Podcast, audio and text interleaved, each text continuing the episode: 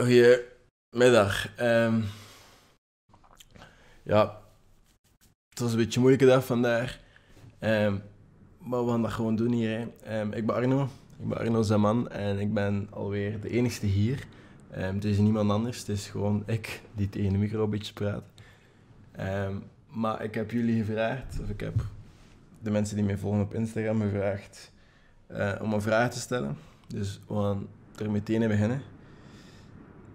Ehm, er was iemand die.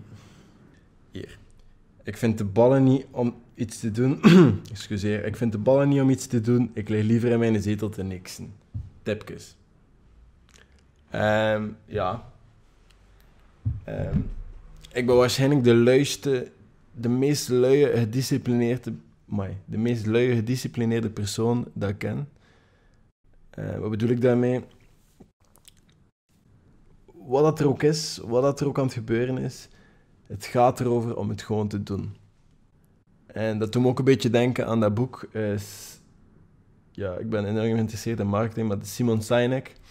Dat is ja, iemand die businesses helpt, een beetje een consultant, maar ehm, die heeft een boek geschreven, ehm, Why, dat allemaal behind the why is, waarom dat je dingen doet.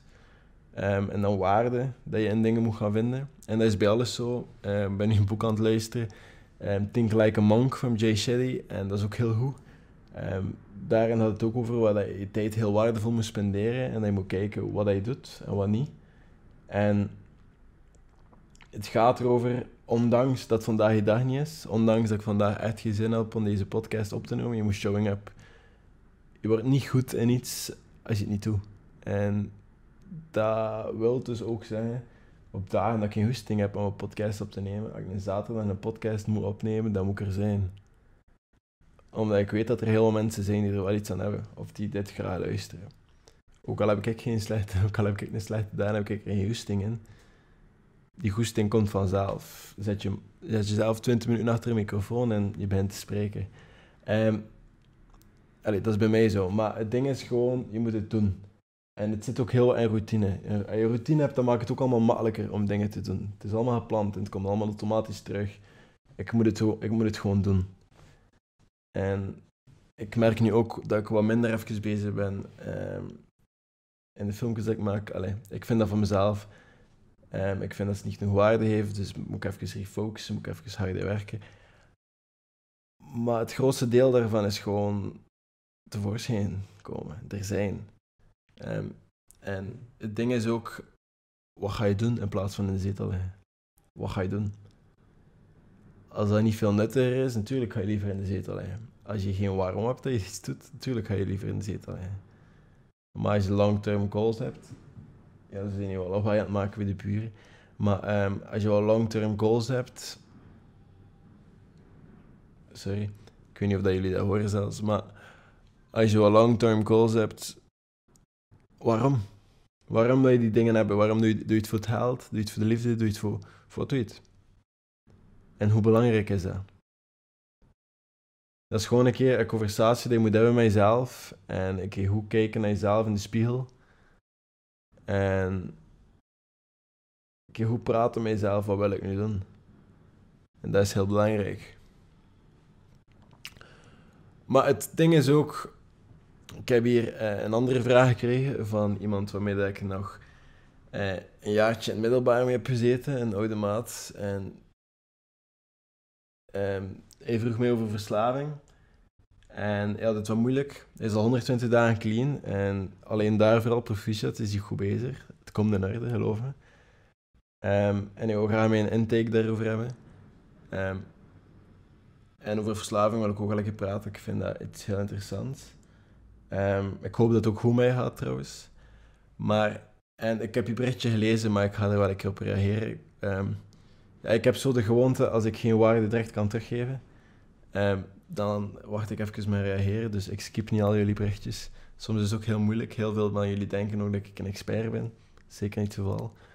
Ehm, maar verslaving, drugsverslaving, pornoverslaving, seksverslaving gewoon in het algemeen. Ik ehm, heb ooit gehoord, of wat ik, er- wat ik geloof dat verslaving is, je hebt een probleem met je innerlijke zelf. Je hebt een probleem van binnen Hij wil dat oplossen met middelen van de buitenwereld. Al is dat seks, al is dat alcohol, al is dat porno, al is dat drugs. Je wilt die middelen van de buitenwereld gaan gebruiken om je af te leiden van wat er te gaande is daar van binnen. Omdat je ongelukkig bent of whatever. En even dat extreme, heroïne gaat dat probleem oplossen. En heroïne gaat ervoor zorgen dat je even al die problemen verdeelt. Hetzelfde is als je heel veel alcohol drinkt, ga je ook even al die problemen... Ja, dat even allemaal vergeten. En dat is wat dat verslaving is. Dat is telkens die nood hebben voor die afleiding. Die nood hebben om die middelen te zoeken of te vinden om je af te leiden van wat het er is. En ja, dat is wat dat al die dingen doet. En als je nu een, een crackhead bent, zo eh, aan de crack zit, en je pakt crack. Nu, deze dag is dat, is dat, is dat... Als je een probleem hebt, ik zeg niet dat het beste probleem is dat je kan hebben, maar als dat een probleem is, dat wel al sinds het duidelijkste probleem.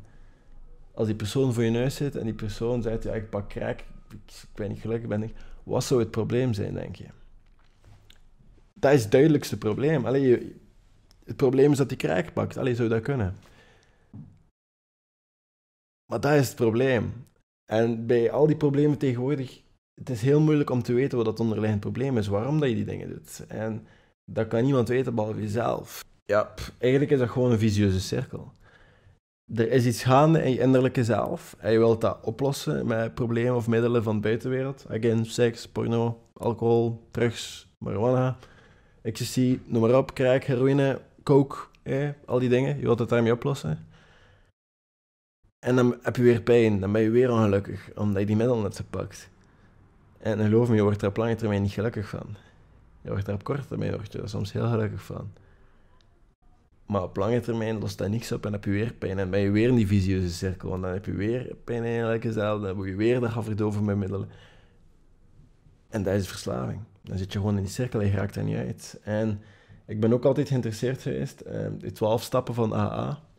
Uh, eh, AA is anonieme alcoholiekers, voor degenen die zich afvragen. Um, en die hebben twaalf stappen. Die werken, en dat bestaat ook voor heroïne-junks of mensen die verslaafd zijn. Alle soorten middelen zijn er altijd aparte groepen en die werken altijd met twaalf stappen. Ik moet wel zeggen, um, dat is een heel katholieke organisatie en een paar van die stappen houden iets in met bekering zoeken naar God of God vragen of die dingen. Ik ken niet alles twaalf stappen van buiten, maar een paar van die stappen ken ik wel. En een daarvan is inventory nemen over wat je gedaan hebt. Inventory nemen over wat je gedaan hebt en de fouten die je gemaakt hebt en de goede dingen die je gedaan hebt. Gewoon inventory nemen van alles. Alles accepteren. Schrijf dat op.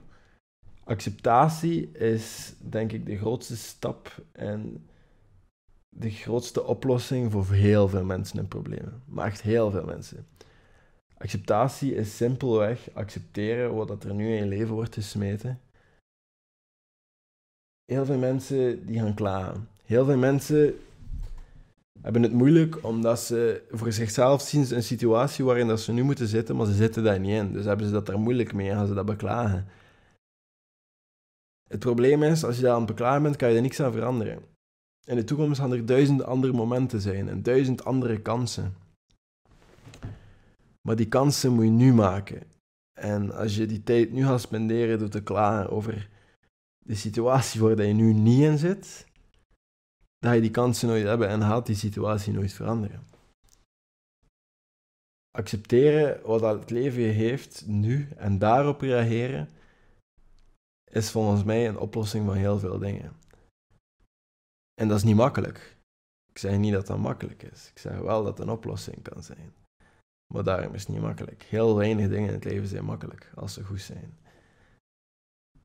Maar daarvoor is niet de moeite waard. Maar voordat ik hier cringe ben te praten, acceptatie. Dat is iets heel zot. En ik heb zelf...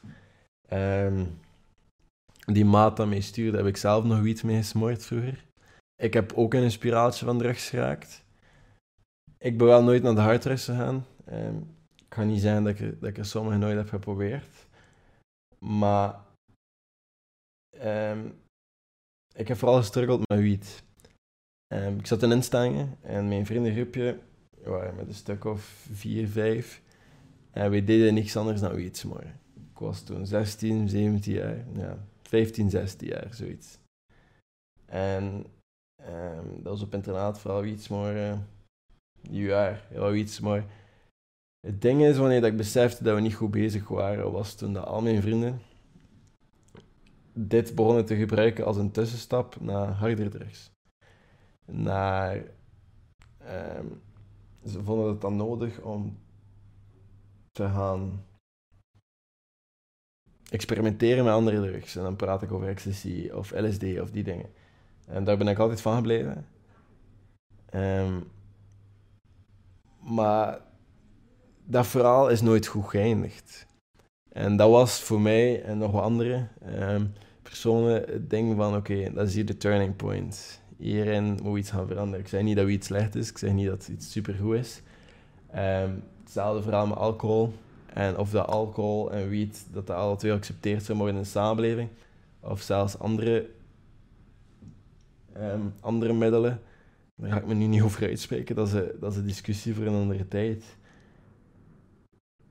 Um, ik vind gewoon dat je als je die dingen doet, of al die dingen experimenteert, of als je dat keer wilt doen of zo, dat je er verstandig mee moet zijn. Ik ga de laatste persoon zijn die zeggen dat je iets moet of niet moet doen. Ik vind dat iedereen vrij is om te doen en laten wat hij kan en verstandig vindt. Ik vind, ik vind gewoon dat als je die dingen doet, dat je er heel verstandig mee moet om zijn en heel bewust mee omgaan. Vermijden. Ja, ik weet dat niet.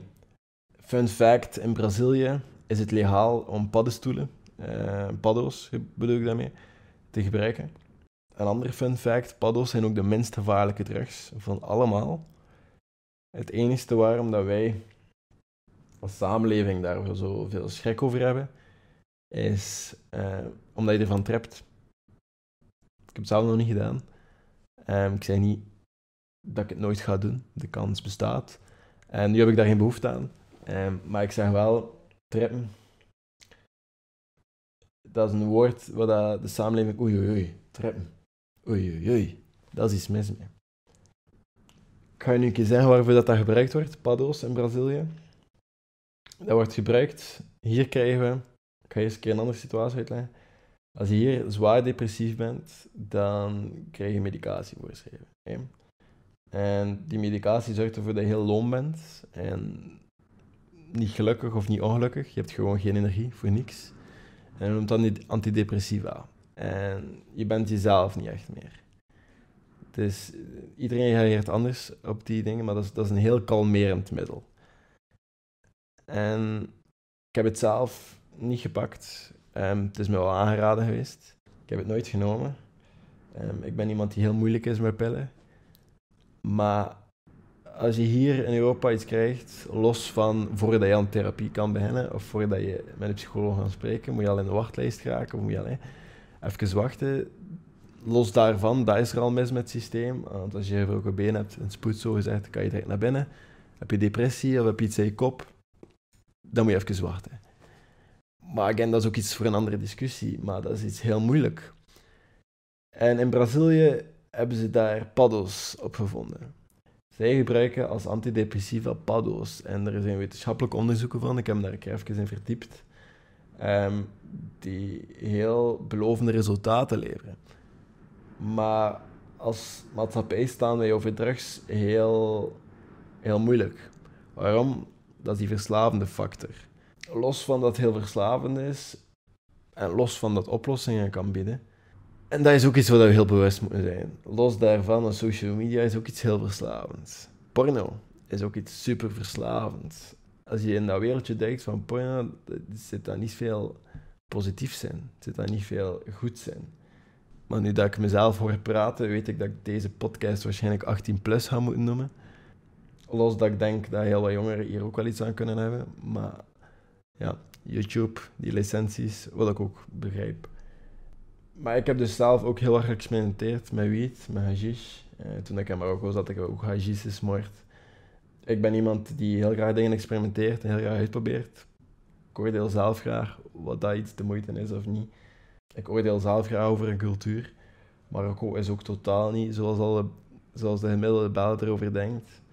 Uh, Marokkanen zijn zeker ook niet hoe dat de gemiddelde Belg erover denkt. Ik, ik zat in Tahazou, Tahazoo, dat is zo... Je moet je inbeelden, excuseer, dat mensen die een beetje Marokko kennen, ja, Marrakesh, dat is de hoofdstad. Ehm, daarboven heb je Agadir aan de kust, dat is ook een heel grote stad. En een beetje verder in Agadir heb je Tahazoo. Een heel klein dorpje. De eerste avond dat ik daar was, had ik in de eerste half uur al heel dat dorpje rondgelopen en alles gezien. Dat is een heel klein stadje. Stelt echt niet veel voor. Het is een visserstadje ook. Maar zo gezellig. En op straat lopen daar ook honden rond. Uh, zwerfhonden. Maar het zit hier altijd in mijn neus, het jeukt ook. En ik kan mijn neus moeten snijden. Maar vanaf dat er een hond geboren wordt die ietsjes te veel wordt, want die hebben zo'n aantal nummers, dan wordt die direct afgemaakt. Maar al die honden zijn in de hand en alle restaurants geven iedere ochtend of iedere avond alle restjes. Ga eens schrap mijn neus snijden.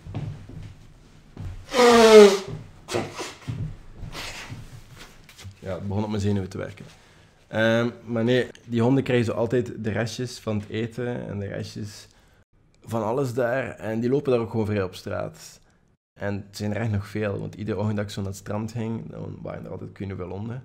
En wat ik ook daar me een beetje aan stoorde, is al het afval dat je daar ziet op strand. Hier, dat is wel iets goed aan uh, onze maatschappij.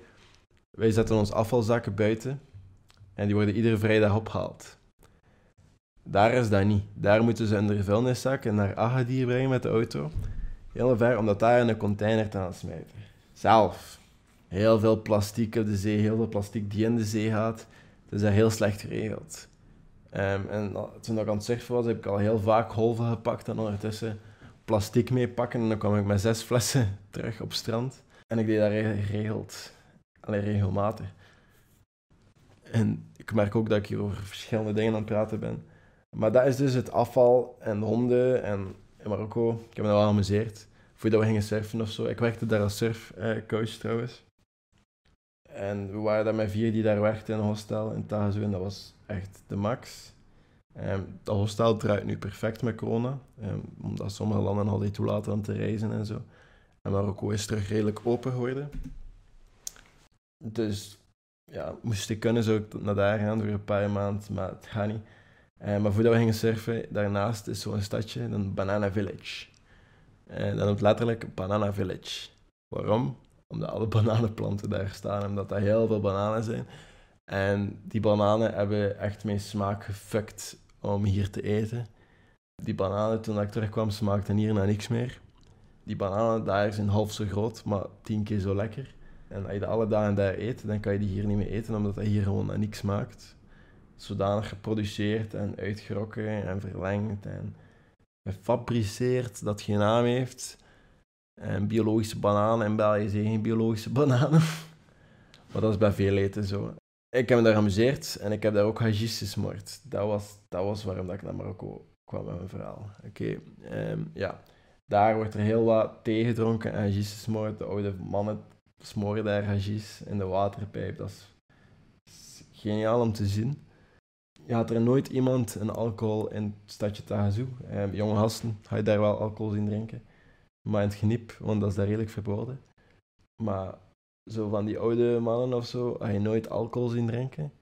Want die mannen zijn ook uh, zwaar geloven in de islam. Uh, die zijn allemaal islam. En die geloven ook zwaar. En mijn kennis raakt niet zo ver, maar volgens mij is alcohol verboden, volgens dat geloof. Dus die drinken dat ook niet. Maar ze smoren wel hajis. Ik weet niet hoe, hoe dat, dat daar staat met dat geloof. Ik zei niet dat ze allemaal hajis smoren, maar ik heb er heel wat gezien. En dat was ook cool om te zien. Zo twee oude mannen die aan het schaken zijn, aan het smoren en thee aan het drinken. En hoe dat die mannen thee drinken. Ik, ah, dat is lekker thee daar. Echt zoet, maar lekker. En zo altijd zo, weet niet, hoog laten gieten. Hè. Voor de show is dat, maar ik vind het altijd cool om te zien. En schaken. En die doen dat om drie uur s'nachts op het pleintje. En ja, die leven daar ook s'nachts, omdat het overdag te warm is. Dus om drie uur s'nachts bestaat de kans dat je mannetjes van 12 jaar ziet voetballen op het pleintje. En dat was ook even iets om aan te wennen. Je dag start ook pas om 11 of 12 uur. De marktgangers die, die staan wat vroeger op, maar voor de rest zie je niet veel mensen op straat vroeger dat was ook wel wennen, maar ik vond dat niet zo erg om zo wat langer te slapen, langer op te blijven. S'avonds was het ook nog altijd, ik weet niet warm, maar wel frisser. En s ochtends wel opstaan, een keer in de zee springen met die honden, of een zonder de honden, of even gaan surfen en dan surfen zonder de gasten van het hostel en dan terugkomen. Dat was daar een nice leventje. En ik ben zeker niet van plan om in België te blijven. Ik ben wel van plan om hier nu een paar jaar, een stuk of vijf jaar. Ik ben hier ook misschien een loft, maar again, je weet nooit wat dat de toekomst je brengt. Wie weet zit ik hier vast voor de rest van mijn leven, of besluit ik hier. Uh, maar de kans bestaat sowieso dat ik een beter verblijf koop of zo in Bali of zo, of dat ik daar ga wonen. Ik heb ook wel zo'n kleine droom om zo'n loft te kopen een eigen klimzaaltje, whatever. Uh, maar dat zien we dan wel. Ik ben weer aan het afdwalen, sorry. Dus, oude mannen, Hajis, Marokko. Hajis is moord, hoe kwam ik daar? Geen idee meer, maar het ding is verslaafd, heel veel middelen en die mannen accepteren dat daar wel. En voor hen is dat een beetje een alcohol, theetjes en een beetje smoren. En ik vind dat niet erg. Ik heb beide de voordelen en nadelen gezien van alcohol. En de voordelen van alcohol en na zijn er wel minder dan wiet bijvoorbeeld voordelen heeft. Alcohol is één caloriebom. Hè. Um, je mag je workout doen s'avonds, je mag dat s'avonds een duvel drinken. Al je workout dat je gedaan hebt, is voor niks. Hè. Ik wil maar zeggen, als je s'avonds dan besluit om eentje te smoren, ik ben nu geen discussie aan met wat dat beter of wat dat niet beter is, dan heb je dat niet. Ik heb dat gedaan omdat dat voor mij ook een escape was. Um, ik voelde mij niet goed. Ik voelde mij een beetje verlaten um, in de steek gelaten, gedumpt door de maatschappij. Dus voor mij was dat ook een beetje een vluchtweg. En dat is voor heel veel mensen die, die, die middelen gebruiken ook, volgens mij. Nu doe ik allemaal niet meer. Maar ik weet wel, als mensen dat doen, dan meestal een reden. En is dat meestal om te ontsnappen van iets. En vanaf dat je beseft dat, wat dat probleem is en dat je dat gaat accepteren, dat je toch al heel wat feiten staat. Daarom is het niet makkelijker en daarom is het niet makkelijker om een oplossing te aanvinden. En aan iedere gewoonte, je hebt zo habits. Um, smoren is dan bijvoorbeeld zo'n bad habit. Die zijn altijd, als je zo die gewoonte moet verleren, moet je dat gaan vervangen door iets dat hetzelfde gevoel heeft. Dat als morgen je het gevoel heeft van socialize, hoe je aan het uitgaan bent, je bent aan het feesten. Um, ik, heb niet, ik niet puur over sigaretten, hè, maar je aan het uitgaan bent, je kan je nog in beelden uitgaan, en je rookt s'avonds, en je gaat naar buiten om te roken, dan heb je meestal van die interessante gesprekken met mensen. En dat begint meestal van, heb je saftje? Of heb je een sigaretje? Heb je een aansteker? Dat zijn openingen voor een gesprek. En dat is volgens mij voor heel veel mensen een reden om te beginnen smoren. Sigaretten, again. en er zijn heel wat redenen. En als dat nu je reden is, kan ook gewoon even buiten staan omdat het warm is. Kun je altijd zo sluiten. Maar om dan te beginnen, daarvoor moet je een conversatiestarter zijn. Ik zeg nu ook niet dat je de kriek moet gaan uitdagen en mensen gaan aanspreken en de dronkaard tegenkijkt. Die gewoon te vervangen door iets dat hetzelfde effect geeft, dat is meestal wel een oplossing. Maar dat is heel moeilijk om te vinden, want ik kan nu ook niet direct op iets opkomen over die sigaretten. Maar dat is wel. Stel, je bent nu verslaafd aan is moeilijk, hè? Porno. Stel je voor porno. Je zit iedere dag te masturberen. Ik zeg niet dat dat slecht is om porno te kijken. Ik ben er wel geen fan van. Um, ik vermijd dat zelfs zoveel als ik kan, omdat ik zie wat dat de sex traffic is en zo. Ik raad je aan om zo gewoon een keer een paar van die documentaires te kijken of een paar van die dingen. En heel je opzicht gaat veranderen. ik zeg niet dat ik fan ben van de NoFap. Uh, er is zo'n community, de NoFap Foundation of zoiets. Dat zijn mannen die, die, die uh, pleiten voor niet te fappen. Die zeggen dat dat verkeerd is. Um, dat je dat niet mag doen. Dat, dat, al je energie opslorkt. En dat je iedere keer als je dan klaarkomt, dat je energie wegspuit. En dat je die energie beter kan gebruiken. Oh shit. Dat je die energie beter kan... Ja, het zal wel goed zijn zeker. Um, dat je die energie beter kan gebruiken voor iets anders. Um, ik heb me daar niet echt in verdiept. Um, ik vond het altijd grappig. Het is mij ook nooit gelukt om... Is november? Of is het uh, oktober of het? Ja, ik heb het nooit een maand volhouden, maar... Ja, ik ben daar geen fan van, maar Er zijn andere manieren, hè. Oké, het was even stop met opnemen, dus ik ga het hier verder afsluiten. Er zijn dingen... Je moet gewoon nadenken over die gewoonte. Wat geeft die gewoonte of die verslaving mij? Welk plezier? En hoe kan ik dat veranderen met een andere gewoonte dat ik ongeveer hetzelfde effect heb? En dat is een heel moeilijke vraag, maar ik kan daar even met een half uur met jezelf gaan zitten en daarover praten. Ik kan dat doen terwijl je nadenkt over waarom je sommige dingen doet. nee, um, het ding is, je moet daar echt een keer over nadenken waarom je sommige dingen doet en heel wat bewuster om. Er zijn er heel wat boeken over. Atomic Habits, zijn die top of mind, Seven Habits of Highly Effective People.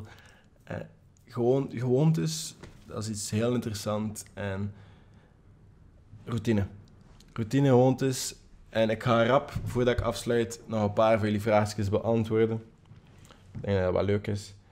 Hoe leg je het beste contact met nieuwe mensen? Ik vind dat nu ook heel moeilijk. Um, ik zou zeggen, bij TikTok krijg je wat volgers en mensen gaan wel in DM's komen. ik weet het niet. Um, dat is heel moeilijk, nu ook sociaal. Wees geen creep en met meisjes in DM. Um, die vinden dat niet leuk. En die krijgen dat waarschijnlijk al veel te veel naar een hoesting. Pak het anders aan. Er zijn genoeg methodes. Maar het is heel moeilijk. En een LinkedIn, netwerken of zo voor business, maar ik ben daar zelf geen held in. Um, ik weet er heel weinig over voor LinkedIn. Ik heb wel een maat die daar heel goed in is. Maar ja, netwerken. Geen wilde of diepe vraag, wat je lievelingseten? Ik eet heel graag uh, spaghetti. Wat zou je proberen als je wist dat je niet zou falen? Zoveel mogelijk jongeren helpen. Een groot platform ervoor zorgen dat... Maar we zijn ermee bezig. Dus of dat we falen of niet, ik ga het sowieso proberen. Ik vind het moeilijk om in slaap te vallen kwart na tien alle schermen aan, een uur voor de, gewoon een uur voor de gaat slapen, alle schermen uitzetten. Dat is iets heel moeilijk, maar dat werkt. Je gsm uit je slaapkamer. Je hebt dat niet nodig. Als dat je wekker is, koop de wekker. En als je niet wakker wordt van je wekker, koop de wekker, wat je wel wakker wordt. En als je wel wakker wordt van je wekker, ook al ligt hij in een andere kamer. Ik leg hem bijvoorbeeld in de keuken, ik moet naar de keuken stappen voor op te staan. Maar dat werkt. Al die dingen die je zelf oplegt, zijn excuses in je hoofd voor dat toch niet te doen. En dat is je innerlijke bitch die zegt van, dat gaat niet, maar een uur volledig. En op hetzelfde moment gaan slapen, op hetzelfde moment opstaan. Ik dat blijven zijn, want dat werkt wel echt. Uh, wat moet je doen als je date de Big Bang Theory woord voor woord kan begin, beginnen citeren? Dat klinkt als een geweldige gast. Ik zou zeggen, keepen. Ja, iemand die de Big Bang woord voor woord kan citeren, nice. Respect. Hoe ga je om met donkere gedachten? Weten dat die gedachten er zijn, die gedachten laten passeren. Um, want die gedachten die hoeven niet per se een deel van jou te zijn. Die gedachten gaan er altijd zijn. Hè. Die gedachten gaan er altijd blijven en iedereen heeft gedonkere. Gelukkige mensen zijn gewoon beter en die gedachten laten zijn. Wat bedoel ik daarmee? Die, die, die observeren dat en die geven daar geen aandacht. Die spenderen daar geen energie aan.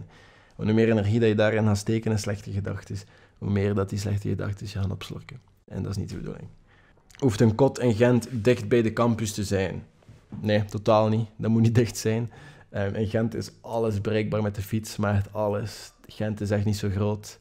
Als een klein zal het er hopen zijn. Aan de andere kant van Gent, en ik doe dat ook met de fiets. Dus je campus hoeft niet zo ver te zijn. En online lessen, volgens mij gaat dat toch nog uh, redelijk lang de norm zijn.